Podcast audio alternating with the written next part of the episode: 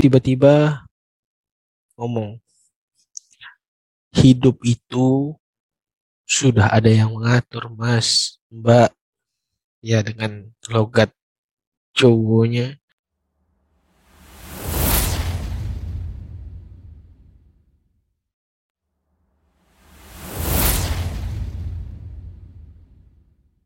Kembali mengudara di podcast berbagi kisah. Selalu ada hikmah di balik setiap kisah. Oke, teman-teman para pendengar setiap podcast berbagi kisah, udah lama uh, Fikri nggak ngupload uh, podcast pada akun ini di mana pun kalian mendengarkan Spotify, Anchor, Google Podcast atau di platform lainnya. Kita berjumpa lagi di podcast berbagi kisah yang beberapa saat ke depan Fikri akan menemani teman-teman para pendengar setiap podcast berbagi kisah di podcast yang tentunya kita tunggu-tunggu. Di mana lagi kalau bukan podcast berbagi kisah? Selalu ada hikmah di setiap kisah.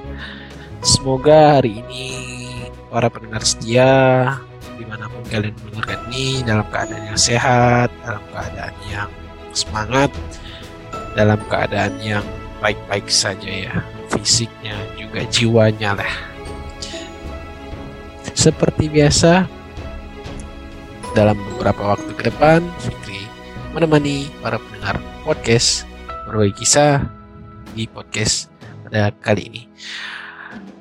Oke, bagi para pendengar sekalian yang ingin berbagi kisahnya, boleh nih langsung disapa aja Fikri di Twitter yang biasa Fikri sebut-sebut juga di at Fikri Ilmi.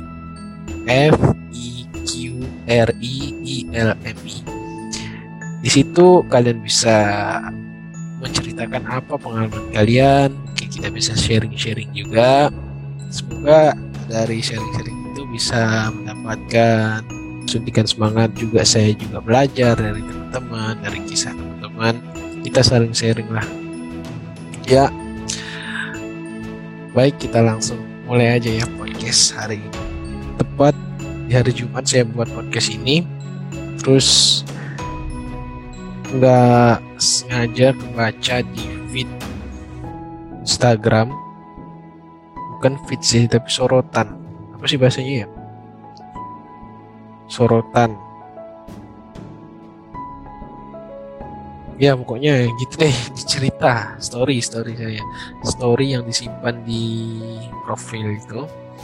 Ada sebuah kisah di sini saya tulis. Ini pengalaman terjadi di waktu saya semester 4 4 atau 3 gitu 3 atau 4 jadi ada acara gitu studi banding antara Ma'had. Ma'had itu ya kalau teman-teman belum pernah dengar Ma'had itu kayak kayak pesantren lah, pesantren mahasiswa waktu itu. Saya jadi pengurus terus didelegasikan dari pihak kantor pusat untuk mengikuti studi banding ke Surabaya di UIN Surabaya asrama UIN atau pesantrennya di Surabaya kita datang ketika itu dijemput seorang uh, bapak ya bapak inilah yang menjadi inspirasi dari cerita ini. Saya nggak bakal cerita di hari-hari kita ngapa-ngapain aja. Pada intinya kita belajar tentang uh, culture atau kehidupan mahat di Surabaya itu UIN Surabaya UIN Sunan Ampel itu untuk kita bawa ke mahat kita yang di Jakarta. Yang apa-apa yang bisa kita pelajari apa-apa yang bisa kita terapkan baik bisa kita terapkan. Jadi begitulah tiga hari dua malam kalau salah saya. Nah di hari waktu kita pulang itu beliau Pak Imran kalau nggak salah namanya mengantarkan kita lagi ke stasiun Pasar Turi teman-teman yang di Surabaya pasti tahu dong. Pasar turi kita berangkat dari situ ke sekitar malam nggak salah itu jam 9 atau jam 10-an keretanya. Kereta malam memang. Terus sampai sampai Jakarta itu pukul 8 pagi. Ya 8 apa 7 gitu. 12 jam lah perjalanan dari Surabaya ke Jakarta kereta. Ya yang terjadi ketika beliau mengantarkan kami delegasi dari Jakarta untuk ke Pasar Turi ada sekilas percakapan dari beliau. Bisa dibilang itu bukan sekedar hanya percakapan dong. Itu merupakan pesan yang tersirat akan makna yang mendalam. Ketika itu nggak tahu rasa saya di samping di dekat jendela pintu mobil itu beliau bercerita ke kami semua tentang pengalaman beliau. Dan masuk pada inti dari podcast ini kisah yang saya dapat itu yang sangat membekas banget sehingga saya tulis di story IG saya untuk agar ingat banget ini pesan. Luar biasa banget. Ketika itu pesannya menyentuh jadi gini beliau berpesan kata-katanya mungkin gak sama ya tapi beginilah intinya. Dalam perjalanan menuju pasar turi stasiun pasar turi beliau tiba-tiba ngomong hidup itu sudah ada yang mengatur mas.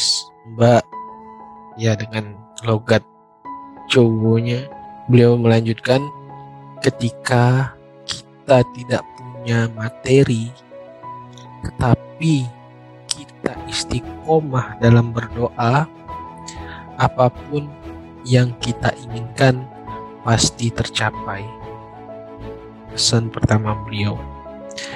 Beliau juga melanjutkan yang terpenting juga hubungan baik dengan orang tua mas mbak harus selalu terjaga dengan baik jangan sampai kita menyakiti hati orang tua. Beliau berpesan lagi ini pesan. Gak tahu kenapa ketika saat itu karena memang kita mau berpisah juga kan dalam waktu tiga hari kita bertemu dan dijamu dengan baik banget. Terus seolah-olah lama bakal gak ketemu tapi bener sih memang gak pernah saya sampai sekarang gak pernah ketemu beliau lagi.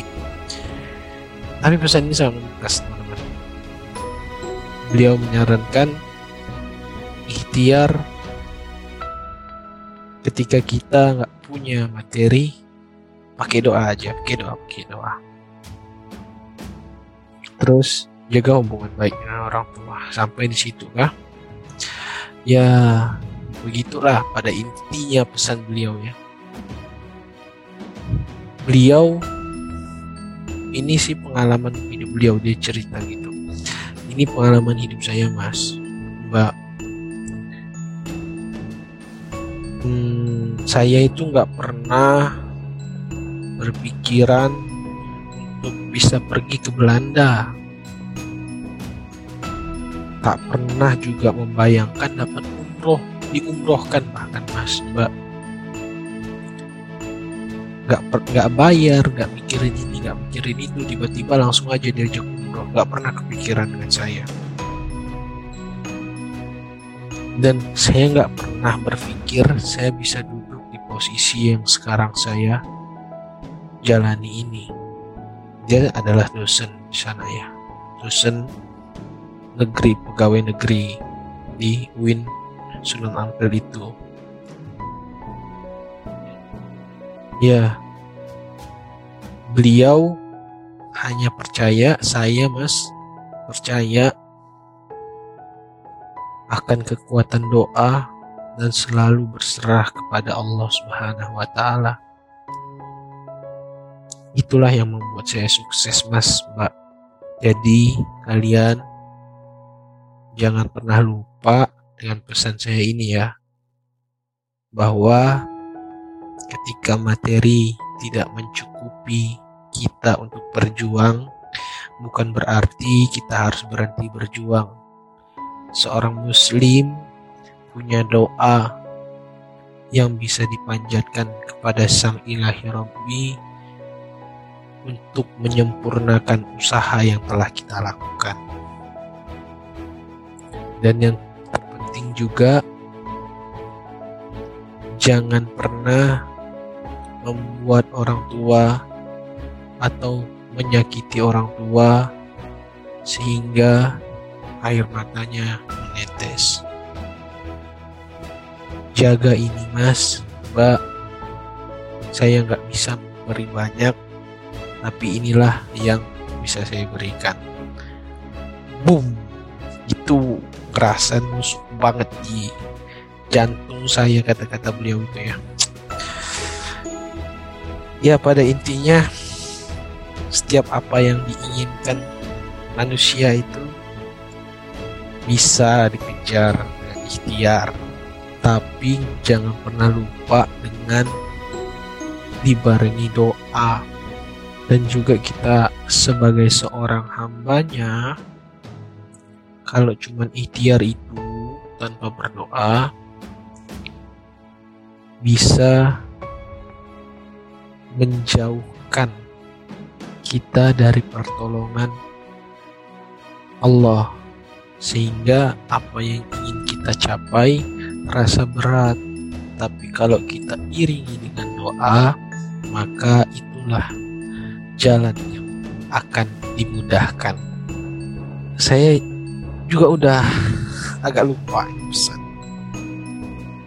Tapi ketika hari ini lagi perbaiki IG juga nama postingan, tiba-tiba kelihat itu, jadi keingat suasana seperti yang terjadi di mobil pada malam hari itu. Itulah yang bisa saya sampaikan pada podcast kali ini. Semoga para pendengar setiap podcast berbagi kisah mendapat hikmahnya ya. Itu memang benar-benar pengalaman yang gak ada duanya lah. Gak pernah saya merasa ya sekalian liburan, sekalian studi banding, dan banyak insek-insek yang uh, luar biasa deh. Saya berharap beliau sehat-sehat saja selalu juga jajarannya yang ada di Win Sunan Ampel. Gak salah ya, Win Winsa ya, Win Sunan Ampel di Surabaya. Semoga mereka sehat selalu juga mas santri mas santrinya juga dewan dabir dewan dewan mas santrinya Semoga pada sehat selalu dan sukses selalu. Oke, mungkin itu podcast pada hari ini yang bisa saya sharing di podcast berbagi kisah. Semoga ada inspirasi di baliknya, di balik cerita kita ceritakan tadi, kita kisahkan tadi. Pada intinya, dua pesan beliau tadi semoga bisa kita terapkan dalam kehidupan sehari-hari kita jangan pernah lupa berdoa dan perbaikilah hubungan antara kalian kita dengan orang tua kalau masih ada kalaupun mereka sudah tiada salah satunya atau keduanya jangan pernah lupa mendoakan mereka sebab doa seorang anak yang soleh pasti menjadi bunga terindah ketika ia di alam sana. Itulah yang mereka tunggu-tunggu dari kalian para pendengar setiap podcast berbagi kisah. Bersyukur pada Allah Subhanahu wa taala, kepada Tuhan yang Maha Esa karena lengkap orang tua kita, sayangi mereka, jangan buat mereka menangis karena sakitnya ucapan-ucapan atau perbuatan kita. Terima kasih atas perhatian kalian. Saya mohon undur diri. Kita berjumpa lagi di podcast yang selanjutnya. Bye bye. Assalamualaikum.